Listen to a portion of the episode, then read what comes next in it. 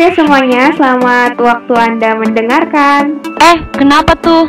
Soalnya kita nggak tahu nih kalian dengerinnya pagi, siang, sore, atau malam.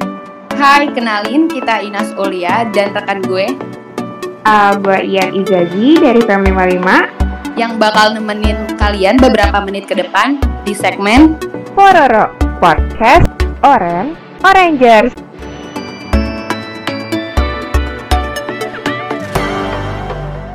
Nah, sebelum itu, kalau misalnya pada kepo sama kita, bisa cek di IG kita at inas.ulyz dan IG-nya teman gue at Ian Izazi. Ya, bener banget. Jadi, kesempatan kali ini kita kedatangan beberapa narasumber.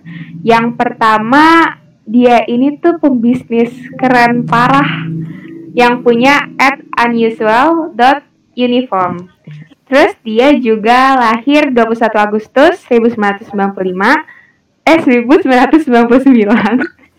Tua banget ya Ian kalau 95. Maaf sayang, bercanda. Terus dia juga dari ESL 54, hobinya masak. Dia Raden Laditiarsa Lian Kusuma. Namanya ribet ya. Iya, bisa gue dipanggil ya. Bang Ian. Halo Bang Ian. Simple, tiga huruf. Halo, halo. Selain itu, kita udah punya pembicara yang lain nih, anak ilmu ekonomi 53 dan sekarang lagi sibuk jadi ketua divisi hubungan masyarakat Genus 2020. Karahayu. Hai, iya, pada kepo ya sama gue ya. Iya. Kepo banget Kak. Parah. Oke, selanjutnya ada narasumber kita yang ketiga. Dia ini anak E ESL 53, terus sekarang lagi ngejalanin komunitas at desamain.id, Banana Pirates, dan juga ruangkita.id. Ada Bang Zaki. Hai Bang Zaki. Halo, Inas, Ian. Eh, aku mau tanya-tanya dulu nih kabar dari pembicara-pembicara kita baik nggak sih gitu? Dari Bang Ian dulu deh, gimana Bang kabarnya? Kabar gue ya, ya alhamdulillah baik sih. Cuman bosen aja cuy di rumah mulu. Oh iya, bosan ya Bang? Ih, pengen jalan-jalan gue sumpah gila. Sama kita juga Bang. Di rumah aja tapi bisa produktif kan ya? Bisa dong. Oke. Kabar dari Bang Zaki? Alhamdulillah baik-baik. Sehat alhamdulillah. Alhamdulillah. Kak Rahayu gimana kabarnya Kak? Baik-baik aja kah?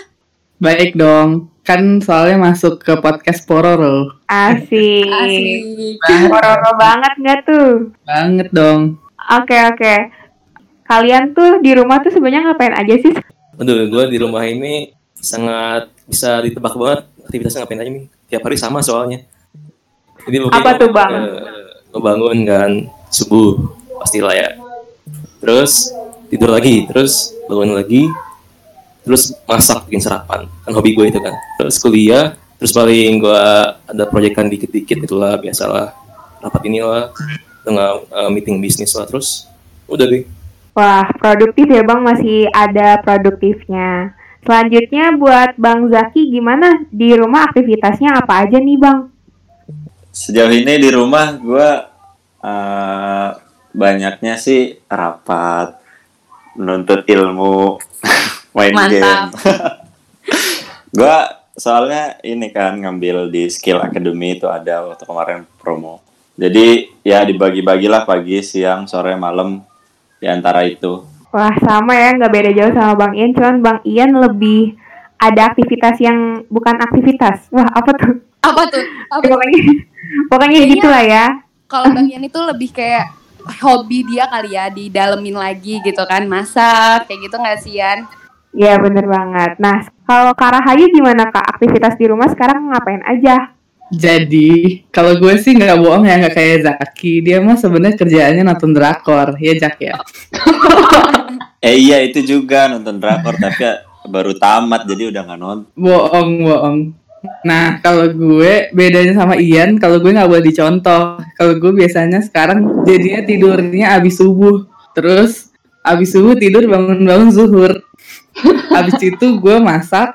Terus udah deh nunggu kegiatan biasanya rapat gitu sih di sore hari. Sore, malam. Malam. Sama nonton juga sih. karena kalau kita sibuk kayak biasanya kan nggak sempet ya buat nonton. Ini tuh sebenarnya kita punya kesempatan buat nonton guys. Dimanfaatin banget ya kak ya nonton ya. Banget dong, selagi bisa. Waduh mantap. Eh, nah bang, ngomong-ngomong soal ruang kita, sebenarnya Ian lumayan penasaran banget sih, maksudnya ceritanya tuh gimana sih bisa bisa jadi sebuah komunitas? Ya, jadi eh, ruang kita ini, gue dulu awalnya kan teman-teman di ruang kita tuh gue belum kenal sama sekali.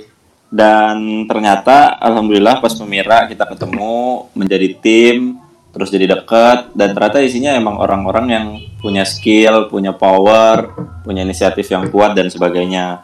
Akhirnya eh, kemarin kita putusin, kit- ja- ini ruang kita sayang nih kalau di diemin ayo kita manfaatin ya udah kita buat jadi komunitas. Nah jadi ruang kita tuh komunitas independen gitu komunitas pemuda. Kalau deskripsi di Instagramnya kan komunitas pemuda non struktural yang bergerak sebagai komplementer kegiatan mahasiswa.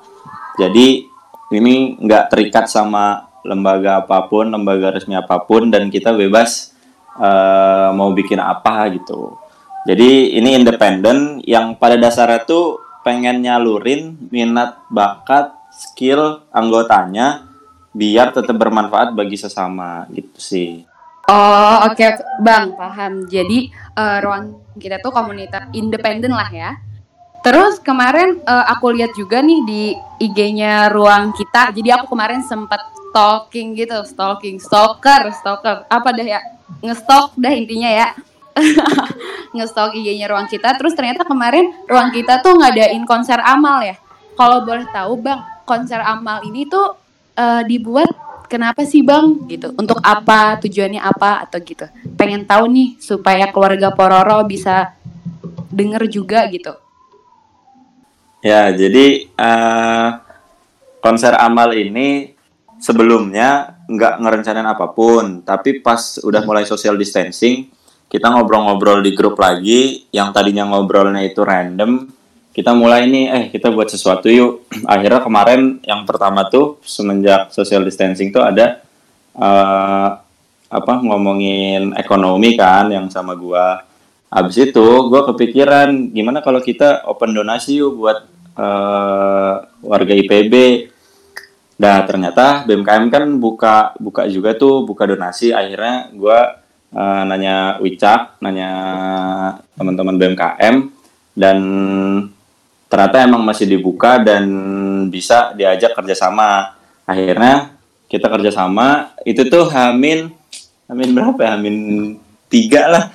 Terus eh ayo kita buat Sabtu dan Minggu. Langsung teman-teman pada ngontak-ngontakin eh, artis-artis IPB yang suaranya bagus-bagus lah ya. Kalau di sini ada yang suaranya bagus tapi nggak diundang jangan tersinggung ya. oh Nah. ya bang Inas bang, Inas katanya mau bang. Mungkin lain kali, lain kali. Nah, nah itu kan sekalian nih kita akhirnya eh, kerjasama sama bagian senbutnya untuk menyalurkan minat bakat mahasiswa khususnya di bidang tarik suara kan. Akhirnya kita buat, kita rancang desain posternya, kita konsep, terus langsung jadi deh kerjasama sama BMK. Gitu.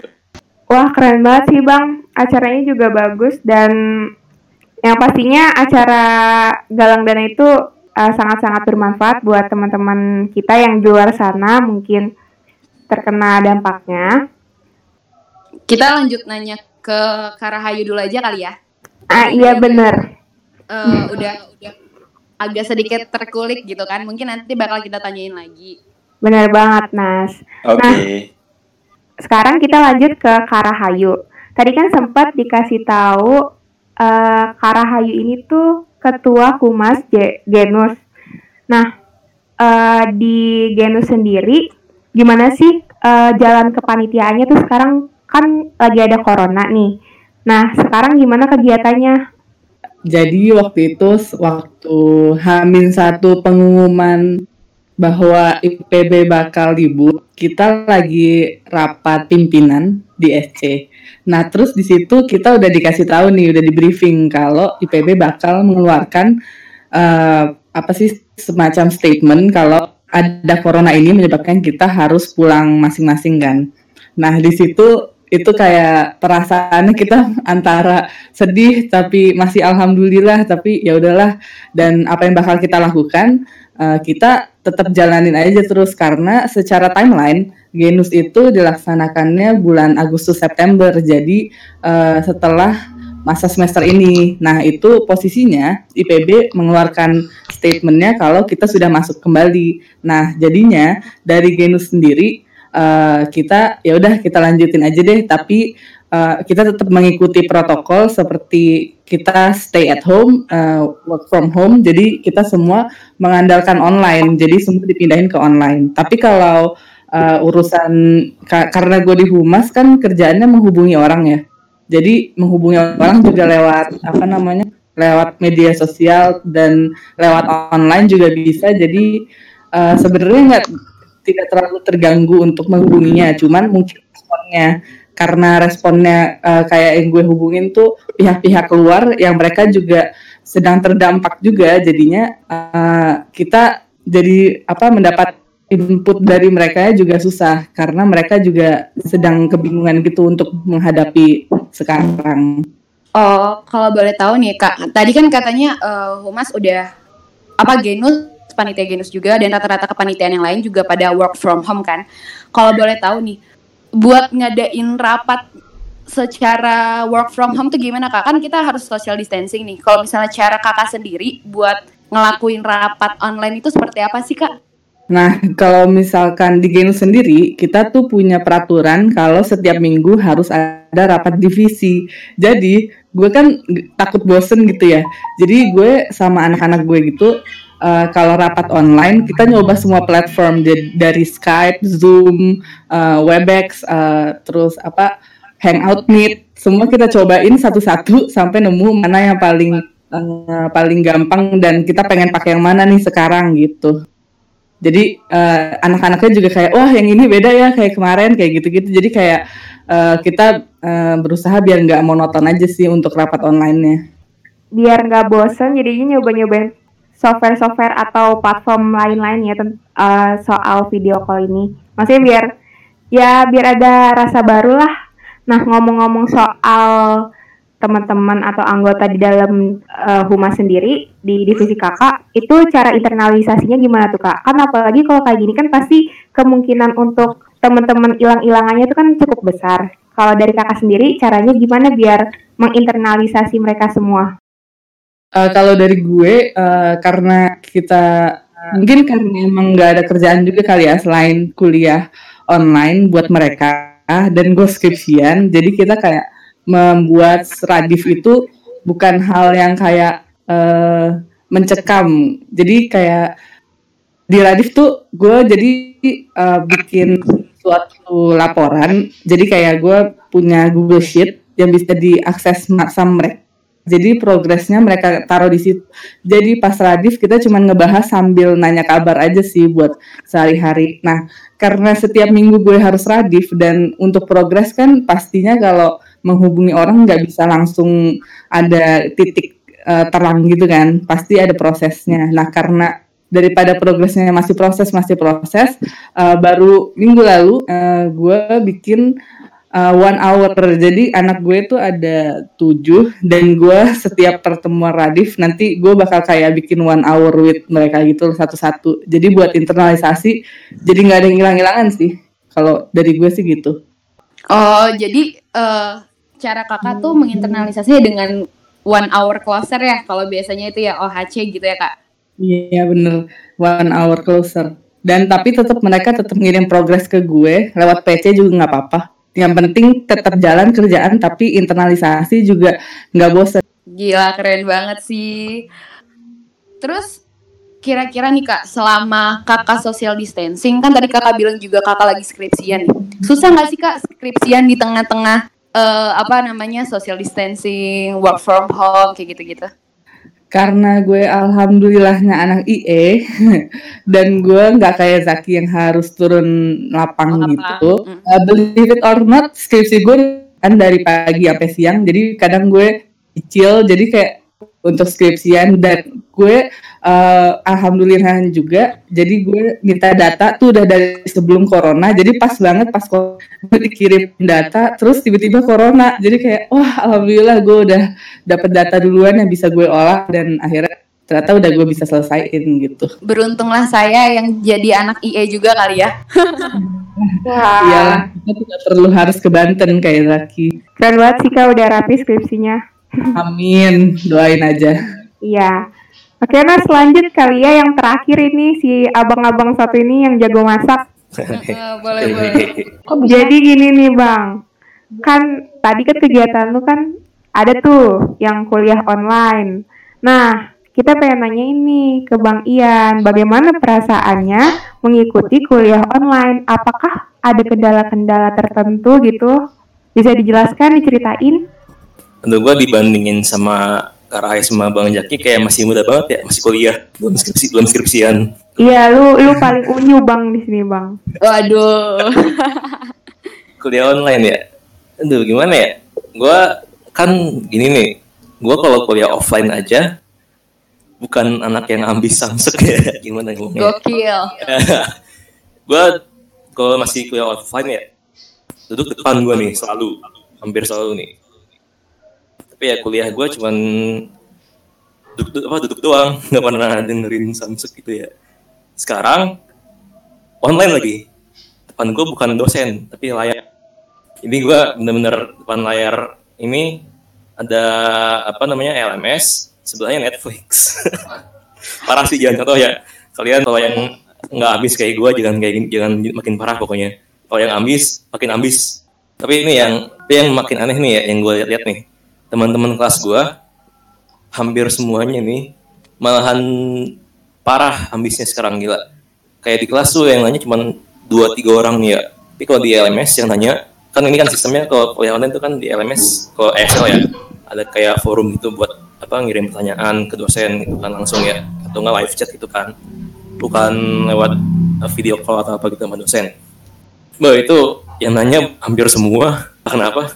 Wah, ternyata mereka memanfaatkan kesempatan ya. Iya biasalah embel-embel nilai. Oke. Terus Bang, lu ikutan nanya nggak Bang? Gua terpaksa nanya lah. Membuat nilai men. Oke oke, Gua lanjut. sampai- gua sampai ini nih sampai rogoh-rogoh so apa pertanyaan gila mau nanya apa gue nih ya. Tapi gue kontrol find dulu di PPT supaya dapat topik buat.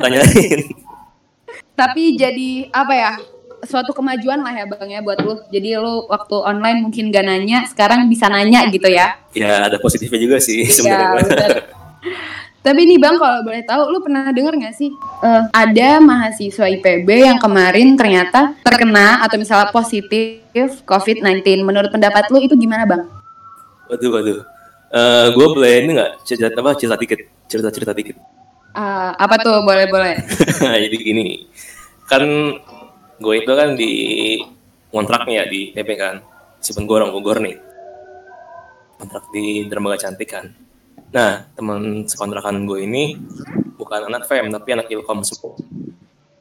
Terus pas kemarin ada berita yang ada anak IPB yang positif itu, temen gue nih yang anak Ilkom, ada yang langsung di chat sama poliklinik, langsung di invite ke grup poliklinik. Kenapa? Karena waktu beberapa nggak lama yang lalunya itu, dia pernah sekelas sama si orang yang positif ini. Wih gila itu, sekontrakan langsung panik semua itu. Terus akhirnya itu dia gimana Bang? Jadi ke klinik? ya pokoknya dia tuh udah hampir berapa lama ya? Dua minggu, tiga minggu nih kayak itu dipantau terus sama poliklinik. Akhirnya itu dia dinyatakan negatif. Untungnya itu gila. Langsung enggak semua itu teman-teman gue. Alhamdulillah sih Bang kalau negatif. Terus lucunya pas udah negatif langsung di kick dia dari grup poliklinik. ya nggak apa-apa lah Bang. Kan tadi gue juga udah ngasih tahu nih ke keluarga Pororo dan teman-teman yang lain kalau lu itu punya bisnis. Nah, sekarang tuh bisnis lu tuh gimana? Apalagi sekarang udah ada corona kan, makin ya maybe jadi lebih turun gitu omsetnya. Gue boleh ngeplug bisnis gue dulu nggak? Boleh, boleh, boleh. ya bisa di follow ya. Jadi bisnis gue namanya Unusual Uniform. IG-nya at unusual.uniform. Itu kita tuh bisnis gue itu eh gue tuh timnya bertiga ya sama sama sepupu gue. Eh, jadi bisnis bisnis gue itu men's outerwear. Jadi jaket-jaket itu yang gue jual. Nah, kalau nanya soal kerasa atau enggak ya impactnya ya tentang social distancing ini ke bisnis. Jelas lah kerasa banget men. Jadi pas dulu itu hmm, gue itu bisa dibilang lumayan lah ya. Eh, lumayan laku lah. Kayak kan gue itu sama bisnis gue kan kayak ngerilis satu model limited kan ya. Cuman 10 barang kan. Langsung hab- lumayan cepet habisnya tuh. Sekarang ini yang model kedua gue ini juga belum belum habis habis dan gue juga nih em, masih rahasia nih. Gue yang yang model ketiga. Gue udah mau rilis nih tadinya. Udah udah jadi nih barangnya. Tapi gue masih mikir-mikir dulu nih mau rilis sekarang apa enggak kan. Soalnya lagi kayak gini lah kondisinya.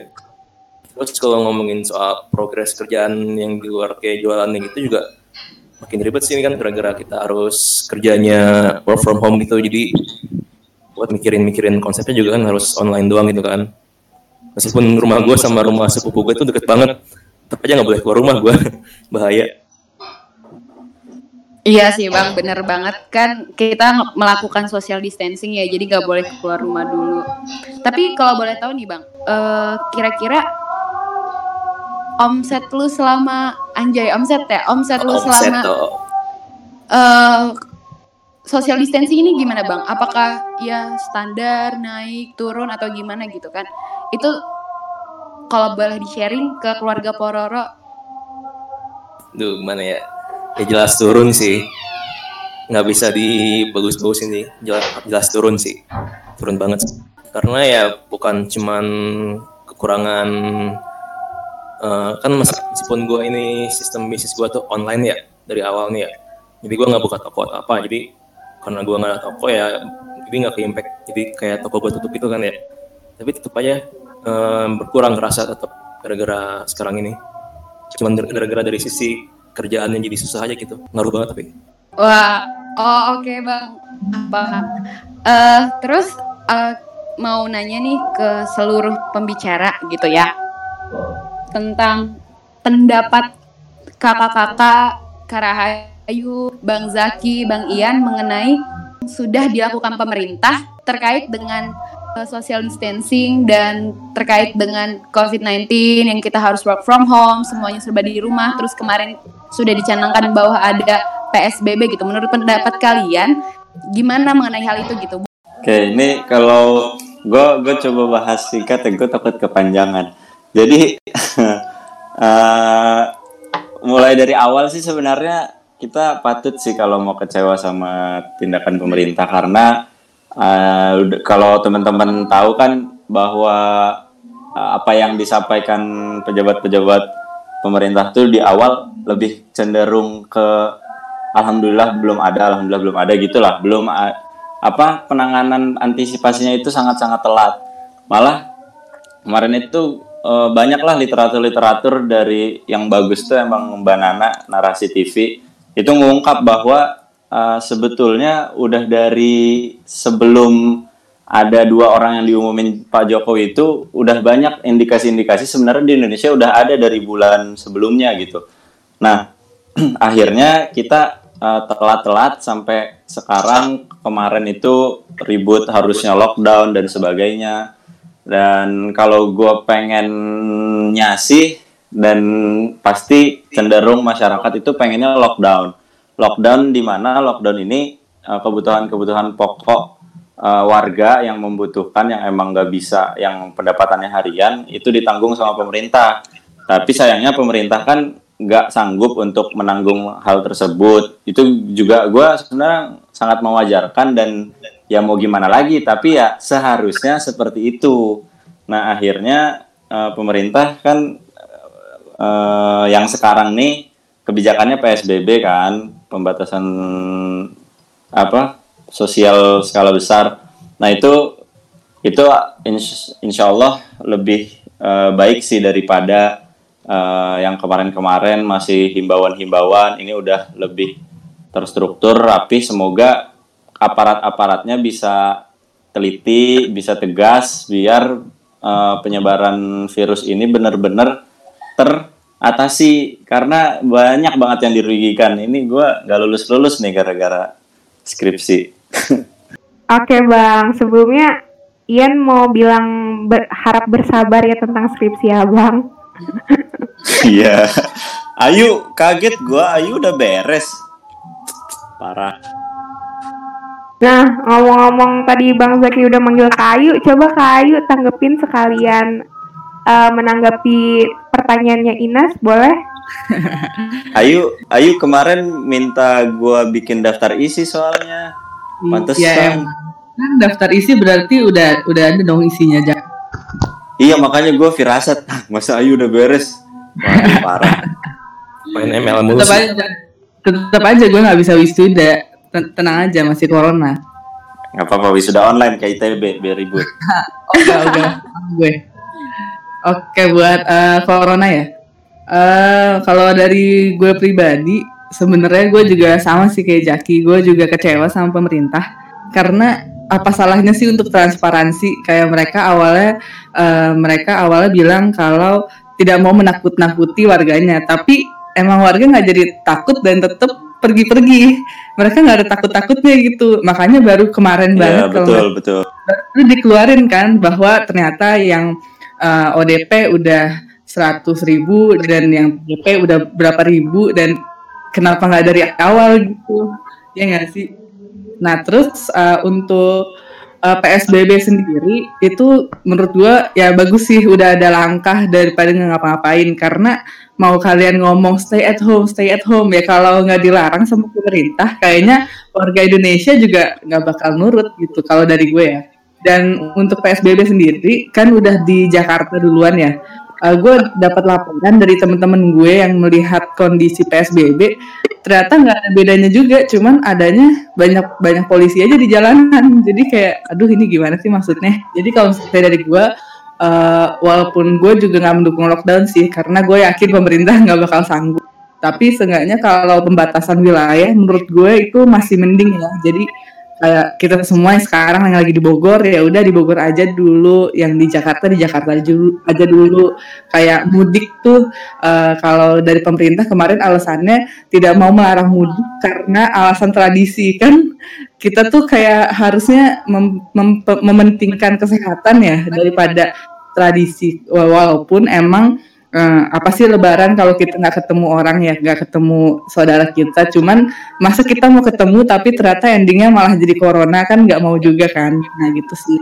Jadi gue juga berharap kalau pemerintah bisa memutuskan yang sebaik-baiknya dan yang yang paling benar gitu. Kayak sekarang tuh masih agak labil dan dari pusat dan daerah tuh kayak jalan sendiri-sendiri nggak tersinkronisasi gitu dari gue sih. Oke, semoga eh, suara dari Kak Rahayu, suara dari Bang Zaki terdengar ya sampai ke pemerintah. Amin. Amin. Kita tinggal datang nggak sih ke Istana Bogor Jak? Iya. Ntar malah ketularan gimana? Nggak boleh kan soalnya ada tuh yang viral tuh yang bagi-bagi sembako di Istana Bogor. Oke deh kan tadi udah nanya sama Bang Zaki, udah nanya sama Kak Rahayu. Sekarang kepo nih sama pendapat dari Bang Ian gimana Bang? Oh, dari gua ya. Pertanyaan tadi. Eh, sorry ya kalau gue nggak sekritis mereka berdua ya. Karena gue emang anaknya bukan anak kritis. Tapi gue lumayan sering ini kan ya, pastilah ya, semua orang juga pasti sering ngikutin berita tentang corona kan. Nah, gue ini dari semua yang gue tangkap dari berita-berita ini ya, satu hal yang paling gue rasa nih adalah pemerintah itu masih takut kalah sama rakyat ada karena ada gini ada studi kasus nih ya, contoh berita ini di eh, kepala desa apa gitu ya lupa gua. Dia itu pokoknya si ada satu suster nih ya, yang suster corona nih gila. Itu orang kan udah sangat ber apa namanya? berjuang banget ya untuk untuk ngalahin corona kan di terus dia itu eh tapi innalillahi dia meninggal nih gara-gara apa, nanganin kasus ini. Tapi parahnya apa nih? Si warga desanya ini nggak mau nerima mayatnya suster itu dikuburin di desa mereka. Cuman karena takut ntar ketularan desa mereka. Itu nggak masuk akal kan? Tapi si kepala desanya ini awalnya udah udah kayak menentang itu kan pada para para warga warga desanya nih. Di akhirnya sih kepala desanya masih masih ini juga nih masih ngalah sama sama warga desanya kayak begitu contohnya. Tapi tapi eh, selain ini ya kan ini. tapi eh, ada sih yang lebih gue nggak suka dari pemerintah nih sebenarnya. Itu adalah keputusan-keputusan univ-univ dan institusi-institusi nih untuk ngepulangin mahasiswa-mahasiswa ke rumahnya masing-masing. Kenapa nih? Soalnya Indonesia itu kan negara kepulauan dan corona itu kan penyakit yang ditularin itu kan harus kayak dekat kontak gitu ya. Nah, jadi kalau untuk supaya corona nggak menyebar ke Indonesia tuh simpel banget, tinggal mutus jaringan antar. Tapi dengan keputusan banyak banget eh, universitas buat mulangin mahasiswanya ke pulau-pulau mereka, itu malah makin menurut gua sini ya, malah makin menyebar banget corona di Indonesia. Jadi mereka itu kayak nggak ngikutin kata-kata pemerintah juga nih ujungnya yang harusnya 14 hari itu nggak ada yang ke mana-mana malah sama universitas malah disuruh pada pulang ke pulau-pulaunya masing-masing. Kata gue sih itu malah yang paling bikin menyebar di Indonesia sih. Oke bang, oke bang, gue paham. Em, sorry gue kayak kayak marah-marah banget gue ya. Ya, sabar, sabar, sabar ya. Jadi sebenarnya emang agak bingung sih menurut gue antara kita itu dipulangin dan kita nggak mungkin berdiam diri juga nggak sih di situ karena menurut gua walaupun memang nggak aman tapi rumah itu tempat paling nyaman anjas Aja. bener sih bener sih Eh, Oke nih Bang, pertanyaan terakhirnya buat semuanya juga, buat Zaki, Karahayu, dan Bang Ian. Eh, bukan pertanyaan deh, pesan. Pesan apa yang mau disampaikan eh, dari kakak-kakak buat keluarga Pororo yang lagi dengerin podcast ini supaya kita semua tetap produktif dan tetap bisa beraktivitas di rumah gitu. Oke, pesan penutup ya ini ya. Iya. Eh, buat keluarga Pororo asik. Eh, ke- keadaan seperti ini eh, emang musibah ya untuk kita semua. Jadi mau nggak mau pasti kita harus menerimanya.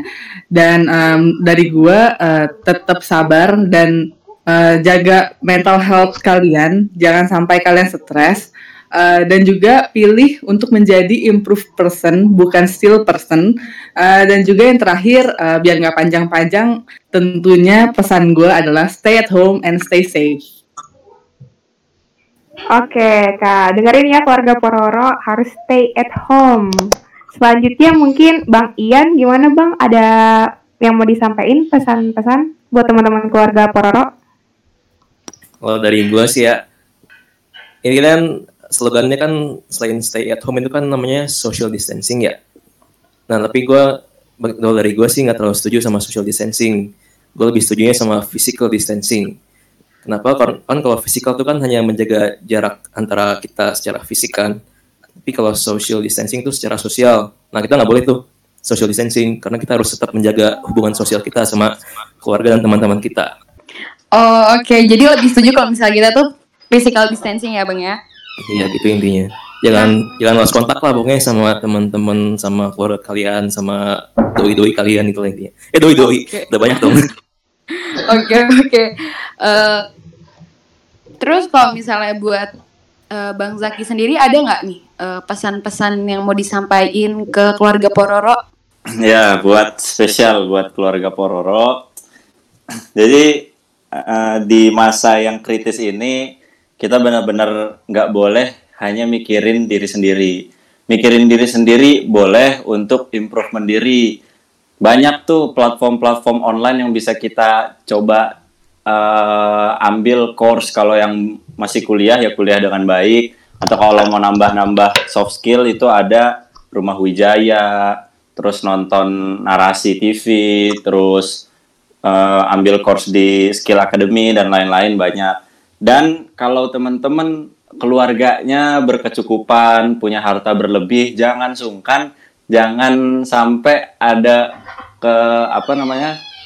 ada sedikit eh, segan untuk menyumbangkan itu ke yang membutuhkan karena sekarang itu orang-orang yang kurang cukup hidupnya itu harus ditam apa ditanggung sama pekerjaan sehari-hari itu banyak yang kekurangan sekarang. Nah, coba itu bagikan hartanya kalau emang ada. Nah, oke. Eh, Zaki lo endorse ya nyebut merek apa? Gak apa-apa lah, gak apa-apa.